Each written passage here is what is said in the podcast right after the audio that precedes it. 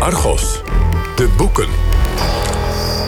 Ja, het is tijd voor de boeken in Argos. Tegenover me recensent van dienst Mark Chavan, journalist en columnist. Politiek commentator zelfs bij de site De Correspondent. Mark, welkom. Uh, je hebt een heel dik boek meegenomen en een iets bescheidener boekje. Wat is het dikke boek? Het dikke boek is het historische proefschrift... en nu de handelseditie door Remy Limpach... De brandende kampongs van generaal Spoor. Het is een uh, heel groot nieuw hoofdstuk in de geschiedschrijving... van de Nederlandse ontvlechting van de kolonie Indië. Oftewel het ontstaan van de Republiek Indonesië. Um, daar hebben we harder, letterlijk, gevochten... dan we altijd wilden weten. En Remy Limpach is een Nederlander die voor de helft Zwitsers is... en in Zwitserland gepromoveerd is op dit zeer indrukwekkende onderzoek. Um, wat ik ook bijzonder vind, is dat hij nadat hij al gepromoveerd was in Zwitserland, opnieuw naar Nederland is gekomen en bij het Nederlands Instituut voor Militaire Geschiedenis, dat een onderdeel is van het ministerie van Defensie, zeer onafhankelijk verder onderzoek heeft kunnen doen en daar heel veel steun voor heeft gekregen. Uh, als de regering dus zegt... er moet misschien nog meer onderzoek gedaan worden... naar wat nu toch wel massamoorden heten. Kun je ernaar wijzen dat hij al 900 pagina's erover heeft geschreven? Daarom zou ik willen zeggen, precies... er is al het enige, het, het nodige gebeurd. Toch denk ik dat het kabinet gaat zeggen dat er nader onderzoek... Maar even, even het tweede boek, het dunnere boekje. Het tweede boek is Christus Stoop, ex-reporter... Uh, dat is een, uh, een gelouterde Vlaamse uh, verslaggever... die in dit boek uh, de brui geeft aan het vak. En zegt het is gecommercialiseerd, uh, het is doorhaast en, en zakelijke targets overspoeld. Het vak is uh, niet meer wat het was. En daarna een aantal reportages van pakweg de laatste twintig jaar... die hij voor het Belgische blad Knak heeft geschreven. en laat zien dat hij mooie reportages kan schrijven. Het boek van Remy Limpach heeft veel commotie veroorzaakt. Ik vroeg me eigenlijk een beetje af waarom, want het is niet voor het eerst. Uh, eind jaren 60 bracht het toenmalige tv-programma Achter het Nieuws al onthullingen over onze militairen in uh, Indonesië. En begin jaren 70 verscheen de excessennota van de regering, geschreven door de onlangs overleden historicus Kees Vasseur. Wat, wat is er nieuw aan Limpach? Wat er nieuw aan Limpach is, is dat hij zegt... ja, er is een heleboel gruwelijks gebeurd, maar het zijn geen excessen, het was systematisch. Het, uh, en bij Vasseur waren het nog incidenten? Ja, het, je moet ook niet vergeten dat de excessennota van de jonge historicus in dienst van de Rijksoverheid, um, heel lang op justitie gewerkt. Um, de conclusies daarvan zijn geschreven door premier Pieter Jong. Zo belangrijk was het om het bij excessen te laten. De putdeksel mocht heel even open. Nadat de VARA uh, Joep Hutting aan het woord had gelaten. En weet ik veel, 800 uh, mensen brieven hadden geschreven voor en tegen. Ook met nieuwe onthullingen. Die zijn nu in dit boek allemaal voor het eerst echt uh, verwerkt en gelezen. Maar de premier schreef vijf bladzijden met conclusies... waarin duidelijk werd gemaakt... nee, nee, dit is niet systematisch. Dit en zijn, zelf een oud-militair, hè, premier de Jong? Zelf het bekende duikboot, commandant, premier die wilde zorgen dat het niet uh, uit de hand liep qua, uh, qua schuld en boete. Voor de piepjonge luisteraar, uh, wie was generaal Spoor? Wat zijn kampongs? Branden, het woord branden begrijp ik. Kampongs, dat zijn nederzettingen in Indië. Um, je, je, je, moet daar denken aan, aan, aan houten hutjes waar mensen in wonen... en Ehm, ze brandden omdat ze door Nederlandse soldaten in de fik werden gestoken. Het is ook een absurde opdracht. Generaal Spoor was de Nederlandse bevelhebber... van op een goed met 200.000 Nederlandse militairen. Dat is ook van een omvang. Als je ziet dat we nu in Mali onze troepen aanwezigheid van een kleine 500 naar ongeveer 250 gaan terugbrengen. 200.000 is wel echt een leger. Maar het waren jongens uit uh, Mook en, en Assen... die daar opeens aan de andere kant van de wereld in de tropen... op een onmetelijk eilandrijk even de orde moesten gaan herstellen. Sommigen gingen omdat ze dachten... we gaan die Indiërs helpen om zich te herstellen... van de Japanse overheersing. Anderen kregen te horen... nou ja, dat, het is, er zijn wat uh, relletjes, uh, we moeten de orde even herstellen.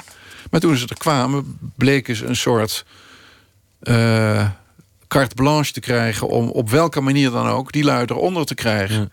En er waren dus op allerlei plekken lokale Nederlandse commandanten die zei: Ja, jongens, schiet maar op alles wat beweegt, want ze moeten even een voorbeeld krijgen. De tragiek is, vind ik, uh, dat er heel veel oud-verzetsjongens, oud, gereformeerde oud-verzetsjongens, vaak uh, die heel dapper waren geweest ja, bij ons in de Tweede Wereldoorlog, en gelijk daar weer aan het, uh, aan het schieten. Een van de meest schokkende dingen dat je denkt: we hebben net vijf jaar Duitse bezetting achter de rug met, de, met alle gruwelen van het nazisme. De, de, de kampen waren niet hier, maar de mensen werden wel weggesleept hier naar de kampen. En dan ga je al die martelmethodes uh, opnieuw toepassen. Want dat, dat heeft uh, Limpach wel weer veel uitvoeriger gedocumenteerd... aan de hand van zowel onontgonnen ambtelijke stukken...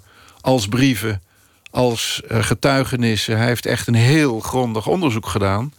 waardoor wat je had kunnen weten na Huting in 69 wat je een beetje had kunnen weten door de excessennota... maar wat je ook had kunnen weten door het boek van Van Doorn... de latere gelouterde socioloog. die ook zelf... Soldaat is geweest. Soldaat is geweest. En, in het geheim boek met zijn collega Hendricks... allerlei uh, waarnemingen en getuigenissen had verzameld. Eigenlijk stiekem als klokkenluider onder de militairen.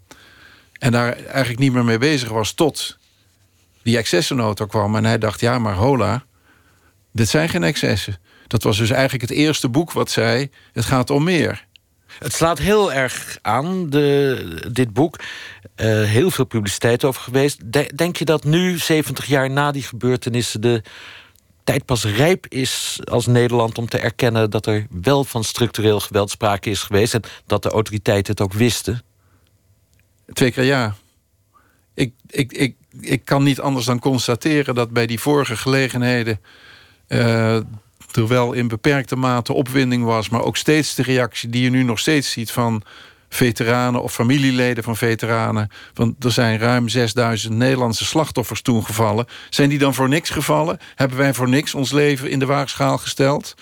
Maar tegelijkertijd, als je de volledige feiten tot je laat doordringen... dat was toen kennelijk te machtig. Uh, en, en nu moet je constateren dat we één, twee generaties verder zijn... en zeggen, ja, we moeten het echt weten. Heel onerbiedig, denk ik. Zoals we nu pas Zwarte Piet tot ons laten doordringen. En het slavernijverleden. En het slavernijverleden. En het doet mij erg denken aan Frankrijk... waar in de jaren negentig uh, onder Chirac... Frankrijk eindelijk in staat bleek om de wreedheden van de Algerijnse oorlog decolonisatieoorlog... die toch wel lijkt op die Nederlandse in dat opzicht. En ook het Vichy-regime, de, de grootschalige collaboratie met de Duitse bezetter in de Tweede Wereldoorlog... die toen pas officieel werd erkend. En al die tijd waren er in Frankrijk een film en, en, en boeken. En in Nederland is dit boek kennelijk een soort, een soort hamer op een rotte plek die eindelijk open mag. Denk je dat de regering het nu gaat onderzoeken? de regering heeft het onderzocht, want het is onderdeel van de militaire geschiedschrijving van Defensie. Maar of de regering in staat is om. Het zou een mooie kans voor Rutte zijn om staatsmanschap naast zijn politieke campagne tentoon te spreiden. Om te zeggen: We hebben hier dingen gedaan die we van onszelf niet hadden gedacht. En of de Indonesiërs belangstelling voor onze excuses hebben, is een andere vraag. Maar dat hoeft ons niet te beletten om nu de volle waarheid onder ogen te zien. En het zou niet een teken van kracht zijn om weer een onderzoek te gelasten nadat je net 950 pagina's gepubliceerd hebt. Mark, ik wil het met je hebben over Christen Stoop, oud-collega van ons. Want na jaren bij het Belgische blad Knak heeft hij besloten nog alleen boeken te willen schrijven. En niets meer met de jachtige journalistiek te maken te willen hebben. Wat vond je van zijn boek, Ex-Reporter? Zal ik het eerlijk zeggen? Ja, daar, daarvoor ben je hier. Oké. Nou, ik vond het een ijdelboek. Ik hou niet zo erg van mensen die over vroeger vertellen ongevraagd. Ik hou niet zo erg van collega's die zeggen dat het vroeger beter was. Um, ik denk dat er nu in Nederland en over België kan ik minder goed oordelen onderzoeksjournalistiek gebeurt. Ik heb uh, in, in, in de jury van de Loop... de jaarlijkse prijs voor onderzoeksjournalistiek gezien... dat ook in België geweldig indrukwekkende onderzoeksjournalistiek over de financiële, over belastingparadijzen, over spullen die goedgekeurd worden met EU-keurmerken die niet deugen. Er is een enorme traditie opgebouwd. Ik weet niet of Zembla ons nog allemaal van het voetbalveld had moeten jagen. Vanwege uh, oude gemalen autobanden. Maar er is een enorme stroom aan onderzoeksjournalistiek. En dan kan je niet zeggen dat de journalistiek ingestort is. Ik weet, er is een enorme commerciële druk. En kranten moeten heel veel presteren op, op elektronische en papieren platformen. Op Facebook. Ik weet het allemaal. De druk is heel groot. En dat is zorgelijk. En dat is al eerder beschreven. En eigenlijk beschrijft de Stoop dat in zijn inleidende hoofdstuk... een beetje alsof hij in het café met een paar andere gepensioneerden zit. En daar ben ik niet zo tuk op. Je vindt uh, Stoop een uh, grumpy old man? Ja. En hij plaatst vervolgens in het boek een aantal mooie reportages over Molenbeek. Hij, hij beslaat zichzelf terecht op de schouders dat hij daar vroeger bij was dan de wereldpers. Waar allerlei uh, radicaliserende nieuwe en oude moslims uh, Syriëganger uh, in wording waren. Het zijn prachtige reportages. Ook over Rwanda, waar hij de verschrikkingen heeft meegemaakt van de genocide. Klassieke, mooie reportages. Jammer dat hij het afrondt met uh, gemopper over het vak. Op het vraag of dat je mij ook een uh, muppet vindt. Um, sommige dingen herken ik wel. Ik bedoel, hij zegt de journalistiek is te snel geworden. Iedereen speelt hetzelfde spel. Uh, als eentje naar Molenbeek gaat, gaan ze allemaal naar Molenbeek. Hoofdredacteuren gedragen zich meer als manager dan als journalist tegenwoordig. Alles gaat top-down op een redactie in plaats van onderaf. Ik vind het wel herkenbare dingen die hij beschrijft. Ja, ja dat, is, dat is ook vervelend. Daarom is het ook goed. Je zal het me niet kwalijk nemen dat ik een nieuw elektronisch platform als de correspondent.nl noem, waar dit allemaal niet het geval is. Waar, waar je toevallig aan verbonden bent. Waar ik toevallig aan verbonden ben. Eerlijk is eerlijk. En ik heb dat ook gedaan omdat we de toekomst moeten ontdekken met wel onderzoeksjournalistiek, kwalitatief serieuze journalistiek en moppervrije journalistiek. Ja, daar is toch wel een verjonging van het vak voor nodig, denk ik... voor uh, moppervrije journalistiek. Nee, er zijn altijd mopperaars geweest. Toen ik bij NRC Handelsblad begon, een ruim 40 jaar geleden... zaten ze ook in café Scheltema te mopperen. Dat het allemaal minder werd en dat hun declaraties niet werden afgetekend. Tegelijkertijd is NRC Handelsblad nu een heel veel betere krant... dan 40 jaar geleden.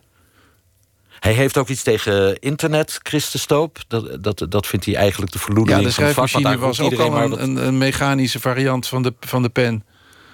Kom op. Je vindt het een conservatief? Ik vind het, uh, ik vind, ik vind het jammer. Hij, hij moet gewoon weer mooie stukken gaan schrijven. En als hij ze in boekvorm wil doen, prima. Hij heeft wel prachtige boeken geschreven. Hè? Het boek over de boerderij van zijn ouders, vlakbij de Zeelse grens. Ja, en daar, dat heeft hij geschreven omdat hij het moest schrijven. Uh, omdat hij het wilde schrijven over de teleurgang van, van het, het, het platteland. Uh, dit is mijn hoofd, heet het. Over de grens van, van uh, Zeeuws-Vlaanderen. En hij schreef erbij, ik deed het omdat ik het moest... en niet omdat ik dacht dat er lezers voor waren. Nou, kennelijk is dat een authentieke hartekreet... die veel mensen herkennen.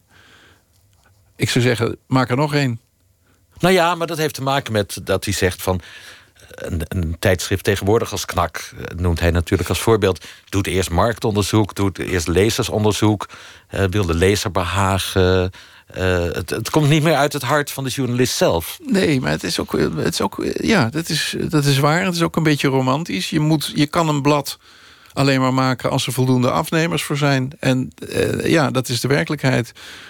Um, het, het, gaat niet vanzelf. Um, maar tegelijkertijd je, je kan er nu ook wel heel goed achter komen wat lezers interessant vinden. En dan de kunst is om dus niet alleen maar clickbait, le lekker nieuwsgierig makende kopjes waarop geklikt wordt en, en veel mensen naartoe komen, maar dat te combineren met serieuze journalistiek.